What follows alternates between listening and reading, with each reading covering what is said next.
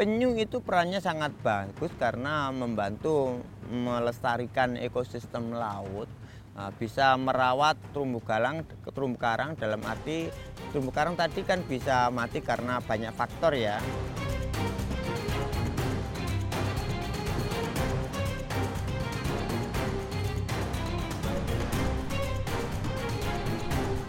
penyu saja sudah sudah berbuat ya berbuat baik menyelamatkan merawat ekosistem yang di laut. Nah, penyu memang nggak bisa merawat merawat di darat. Lah berarti manusia tugas kita ini di darat.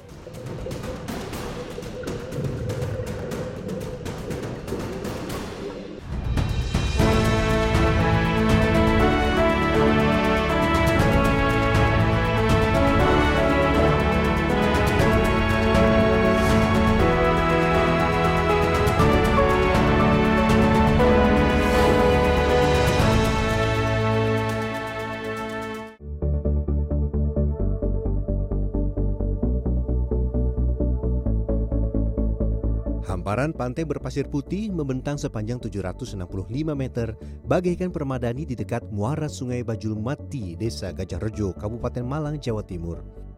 Pantai yang jaraknya sekitar 60 km dari pusat kota itu menjadi salah satu destinasi favorit pelancong di Malang Selatan. Namun, ada yang berbeda dari geliat wisata di sudut pantai Bajul Mati nampak sekelompok orang sibuk membersihkan dan memperbaiki bangunan yang tersembunyi di tengah-tengah rimbunya pepohonan pinus laut. Ya, mereka adalah kelompok pegiat konservasi penyu yang tergabung dalam Bajul Mati Sea Turtle Conservation Center atau BSTC. Kelompok yang diinisiasi oleh seorang nelayan bernama Sutari ini fokus menyelamatkan penyu dari kepunahan secara swadaya sejak tahun 2009 berawal dari rasa kepedulian saja, panggilan jiwa. Karena ya dengan karakter terbiasanya zaman dulu kan seperti itu ya. Kemari Paro Jinawi hutan masih ligung lewang lewong, kepingin apa pun masih ada. Ah, sini ada banteng, merah, wis macam-macam lah. Nah, akhirnya dengan uh, penyu yang biasanya disembelih, dijual telurnya, ini kami punya punya apa tuh uh, kepikiran lah kepikiran apa nggak bisa ya kira-kira ini telur penyu ini ditetaskan. Semasa muda, Sutari dan banyak nelayan lainnya di Malang Selatan terbiasa berburu penyu. Ketidaktahuan akan status konservasi penyu yang diambang kepunahan membuat mereka kerap mengkonsumsi daging dan telur penyu. Akan tetapi, melihat semakin tahun jumlah penyu yang mendarat di kawasan itu semakin sedikit, membuat Sutari mengubah perspektif tentang kondisi kura-kura laut itu. Dulu memang saya juga ikut-ikutan itu, nangkep dan sebagainya. Masalahnya sudah terbiasa, adat di situ sudah biasa. Nah, di situlah akhirnya kami tertarik dan terpanggil untuk menyelamatkan itu ceritanya. Nah, kebetulan dulu ini waktu penyelamatan ini ah, banyak penyu hijaunya sehingga penyu hijau tadi kalau sudah menetas jadi tokek lucu kecantik. Jadi penyu tokek penyu hijau itu ininya ini putih untuk kerapasnya ini ah, kerapasnya ini hitam legam ini panjang. Jadi kayak cantik itu. Rasa tertarik terus akhirnya kasihan dan kami peduli berusaha menyelamatkan biar nggak habis.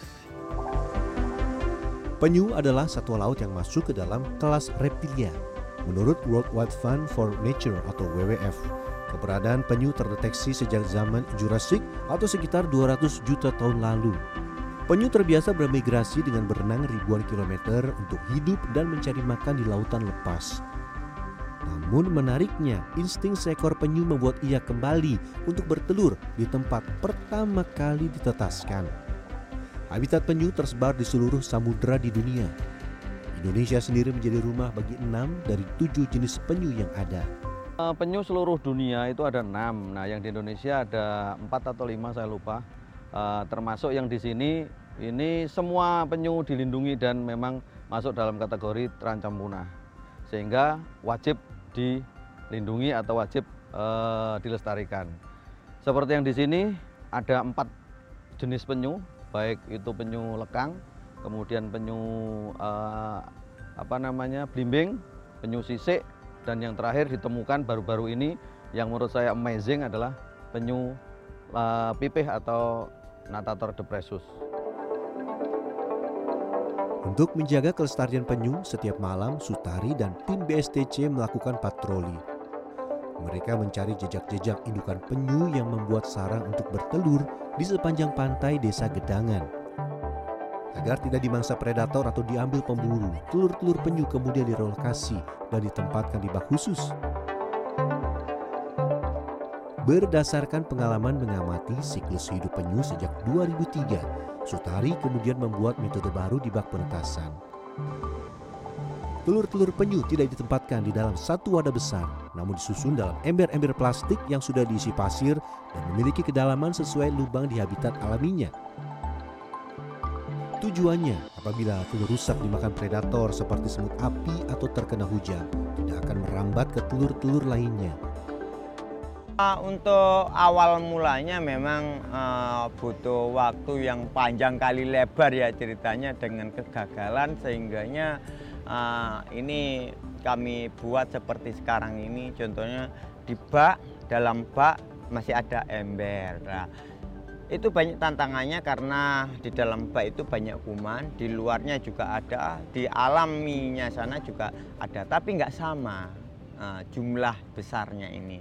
Lah Itulah kami memilih uh, untuk uh, minimnya predator masuk uh, sesudah kami membuat mencoba dan sebagainya ini akhirnya kami buatkan di uh, inkubasi alami seperti itu semi alami ya.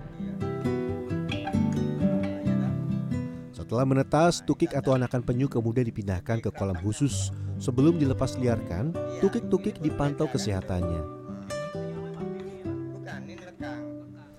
Tukik juga diberi makan berupa ikan tuna dua kali dalam sehari. Protein tinggi yang terkandung dalam ikan tuna dipercaya bisa membantu menyehatkan tukik agar bisa bertahan lebih lama di lautan lepas.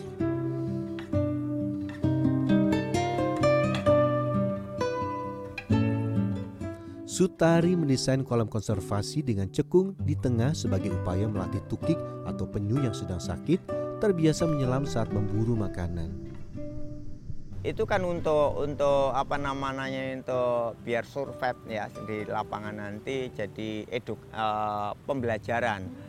Nah oke kalau kalau masuk situ ini kalau datar jatuhnya ini paling ketinggian kedalaman itu sama saja. Gimana toke nanti bisa milih sesuai skill dan kemampuannya dulu ya toh kemini istirahat bisa kepingin nyelam dalam bisa itulah akhirnya kami buat seperti itu supaya di alam nanti survive bisa nerobos.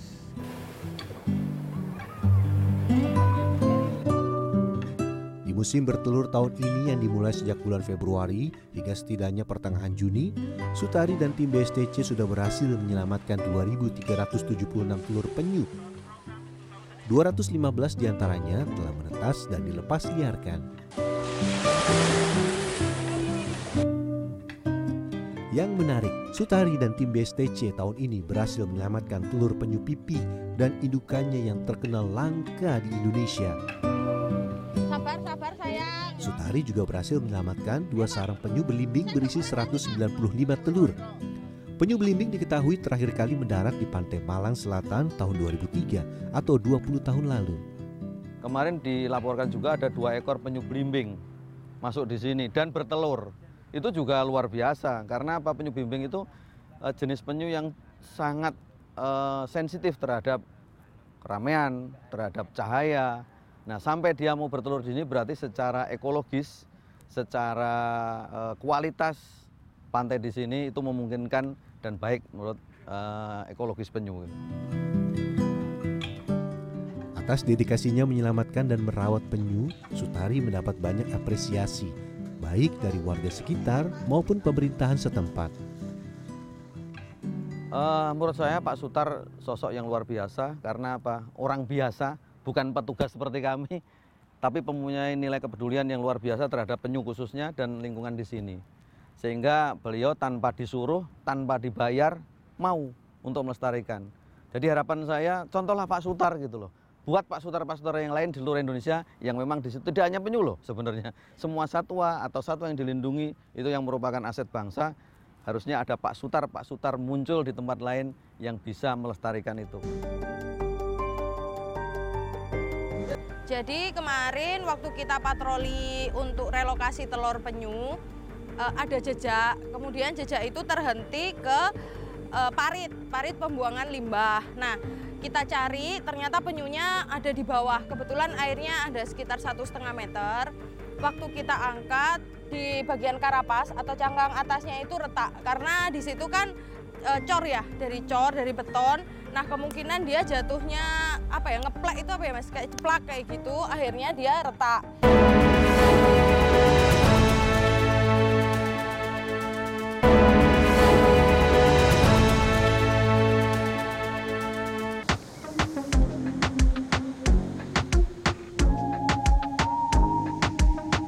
Menyelamatkan dan menjaga penyu tidak bisa dilakukan seorang diri. Sutari sadar betul ia butuh berkolaborasi dengan banyak orang agar cita-citanya melestarikan penyu dapat berjalan lancar.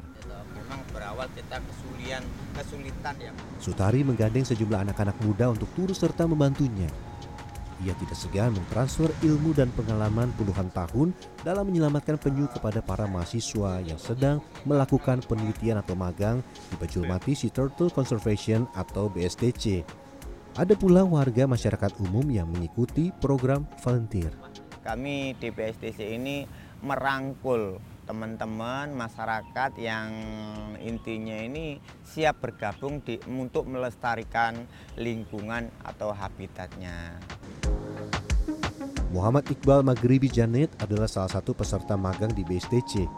Mahasiswa semester 6 jurusan Ilmu Kelautan Universitas Brawijaya ini sudah tiga minggu terakhir ikut serta merawat penyu. Ia tertarik memperdalam ilmunya tentang konservasi penyu. Di kelautan itu ada empat bidang dan saya memilih salah satunya itu konservasi. Dan betul ada banyak, contohnya ada mangrove, ada lamun, ada uh, terumbu karang. Tapi satu penyu ini yang sangat minim dipelajari pas kuliah.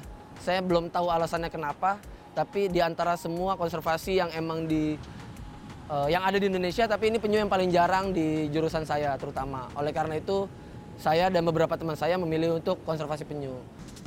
Iqbal dan 10 anak magang serta volunteer di BSDC diberi tanggung jawab untuk memantau dan merawat tukik. Setiap pagi dan sore ia menyiapkan makanan untuk tukik dengan telaten Iqbal dan teman-temannya menguliti tuna segar yang akan diberikan kepada sekitar 200 tukik di kolam penampungan.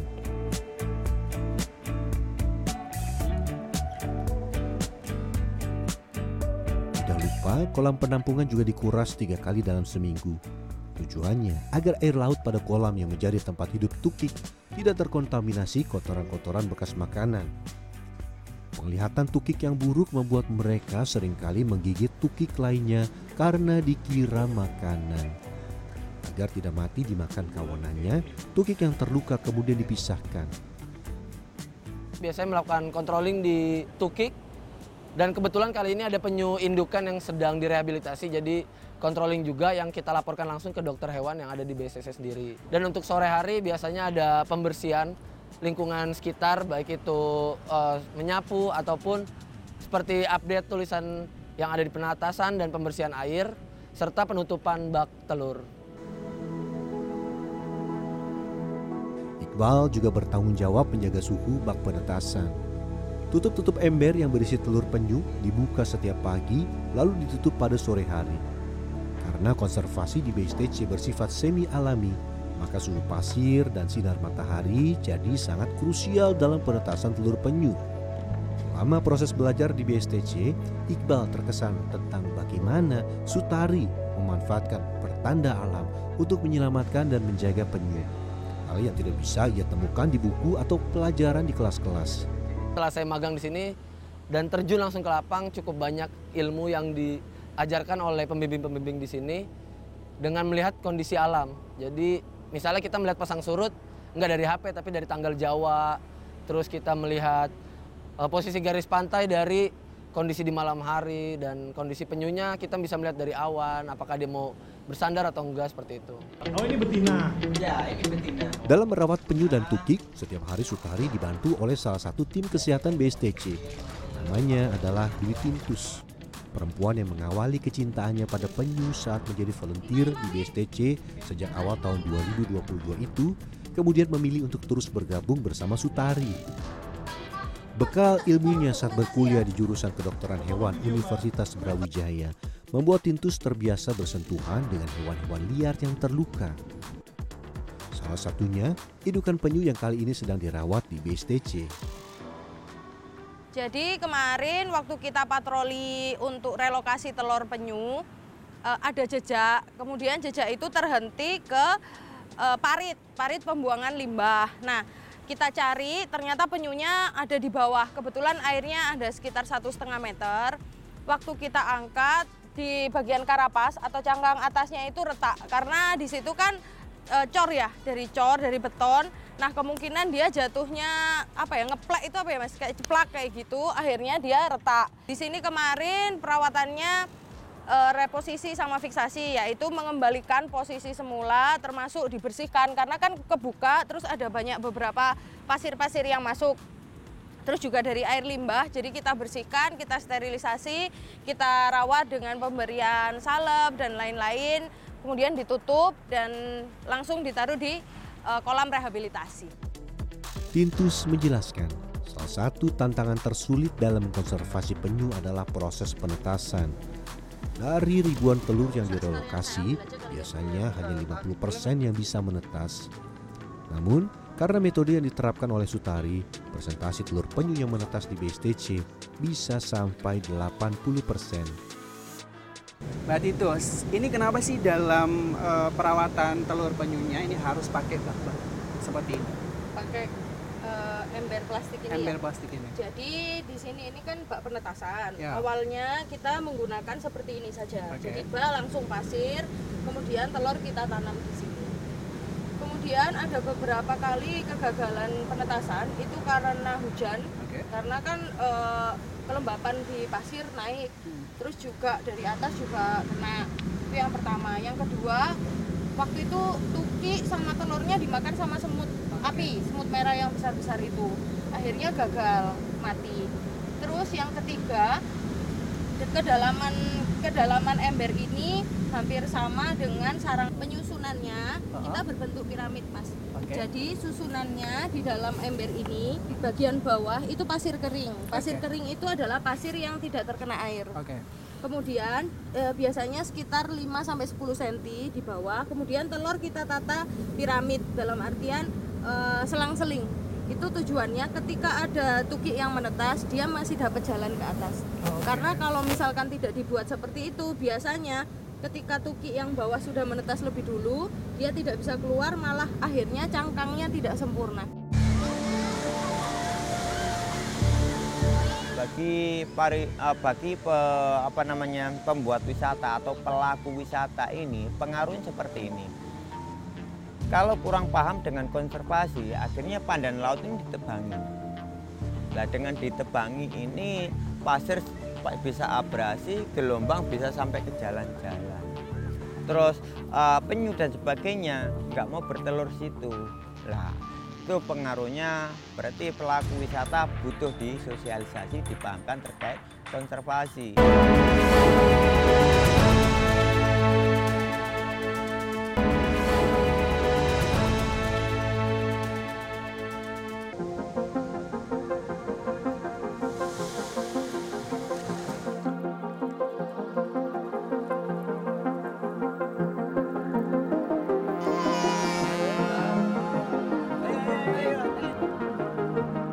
Penyu memiliki peranan penting bagi ekosistem laut.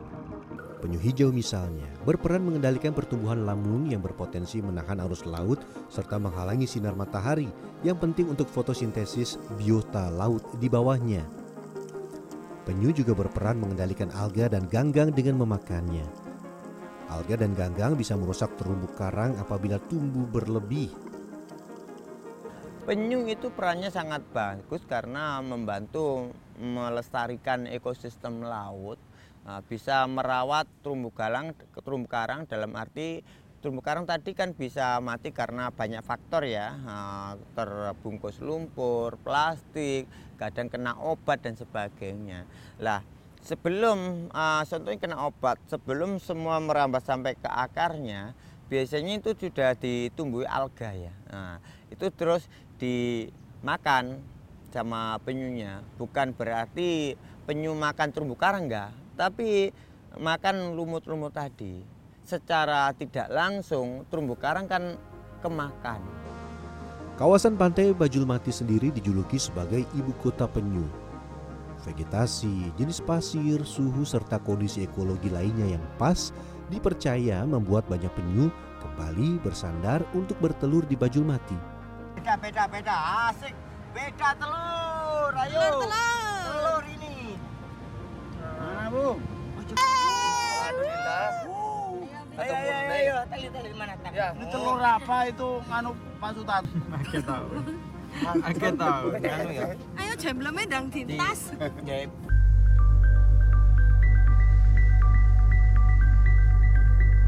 Bajul Mati ini eh, rata-rata ada 37, ada 40 itu per tahun yang bertelur di sini. Sedangkan lain-lainnya ini ada cuma satu titik, satu titik berarti satu indukan.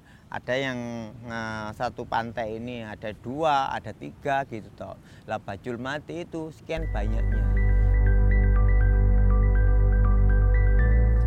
Namun sayang, kerusakan lingkungan akibat kegiatan wisata yang tidak bertanggung jawab di sepanjang garis pantai Malang Selatan mengancam habitat penyu. bagi pari, eh, bagi pe- apa namanya pembuat wisata atau pelaku wisata ini pengaruhnya seperti ini. Kalau kurang paham dengan konservasi, akhirnya pandan laut ini ditebangi. Lah dengan ditebangi ini pasir pa- bisa abrasi, gelombang bisa sampai ke jalan-jalan. Terus eh, penyu dan sebagainya nggak mau bertelur situ. Lah itu pengaruhnya berarti pelaku wisata butuh disosialisasi dipahamkan terkait konservasi kalau tidak ada sosialisasi lewat media sosial ataupun banner atau macam-macam ya di itu habitatnya penyu bikin api unggun bikin tenda langsung bawa jeep ataupun eh, trail itu kan juga bermasalah toh Belum lagi sampah plastik yang sulit terurai kerap terlihat berserakan di pantai. Penglihatan penyu yang buruk membuatnya tidak bisa membedakan sampah plastik dengan ubur-ubur yang menjadi mangsanya. Jika termakan, sampah plastik ini berbahaya bagi kehidupan penyu. Dari pengunjung wisata ini kebanyakan membawa oleh-oleh makan plastik dan sebagainya. Apakah saudara kita dari hulu dari kota ini membawa sampahnya ke kota? Nah ini PR kita. Ah, terus sampah-sampah dari hulu juga ujungnya ke laut. Nah, dimakan penyu, ikan, mungkus terumbu karang dan sebagainya. Itulah harapan kami mohon uh, kuatkanlah sosialisasi terutama kurang kurangi plastik. Kalau kita langsung stop ini belum bisa. Kita tahap belajar ya. Kalian Ibu Darto Sosialisasi kepada nelayan, pegiat wisata, serta kelompok masyarakat lainnya terus dilakukan Sutari. Harapannya agar usahanya tidak sia-sia dengan meminta warga sekitar turut serta berkontribusi. Ia menyerukan bahwa kegiatan wisata harus bisa diimbangi dengan pelestarian lingkungan. manusia kitanya ini harus berperan peran sila apa itu berkolaborasi dengan alam. Contohnya penyu saja sudah sudah berbuat ya ber- berbuat baik menyelamatkan merawat ekosistem yang di laut. Nah penyu memang nggak bisa merawat merawat di darat. Lah berarti manusia tugas kita ini di darat. Nah, nanti menanam mangrove, me- apa itu pandan laut dan sebagainya supaya nggak longsor, nggak abrasi, penyu-penyu bisa kembali lagi. Kalau di daerah sini adalah eh, aktivitas wisata. Sebenarnya itu bisa dikemas dalam satu eh, apa namanya sinergitas ya. kenapa sih harus di, dieksploitasi penyunya? Padahal penyu itu bisa jadi eh, destinasi atau poin interest terhadap destinasi wisata. Seperti saat ini misalnya kita mau melepas tukik dalam tanda petik, itu bisa menjadi atraksi wisata. Bukan tukiknya yang dijual, bukan. Tapi ketika diedukasi masyarakat melepas penyu itu di sini dan penyu sudah dilepas di sini dia insya Allah akan kembali ke sini lagi.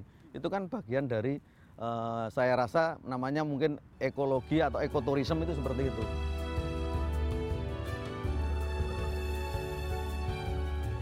Jangan sampai penyu yang sudah ada sejak jutaan tahun silam punah dan tidak bisa disaksikan di alam liar oleh generasi selanjutnya.